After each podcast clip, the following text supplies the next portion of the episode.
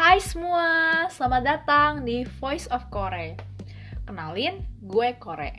Ini bukan nama asli gue. Gue nggak perlu lah ya ngasih tahu nama asli gue.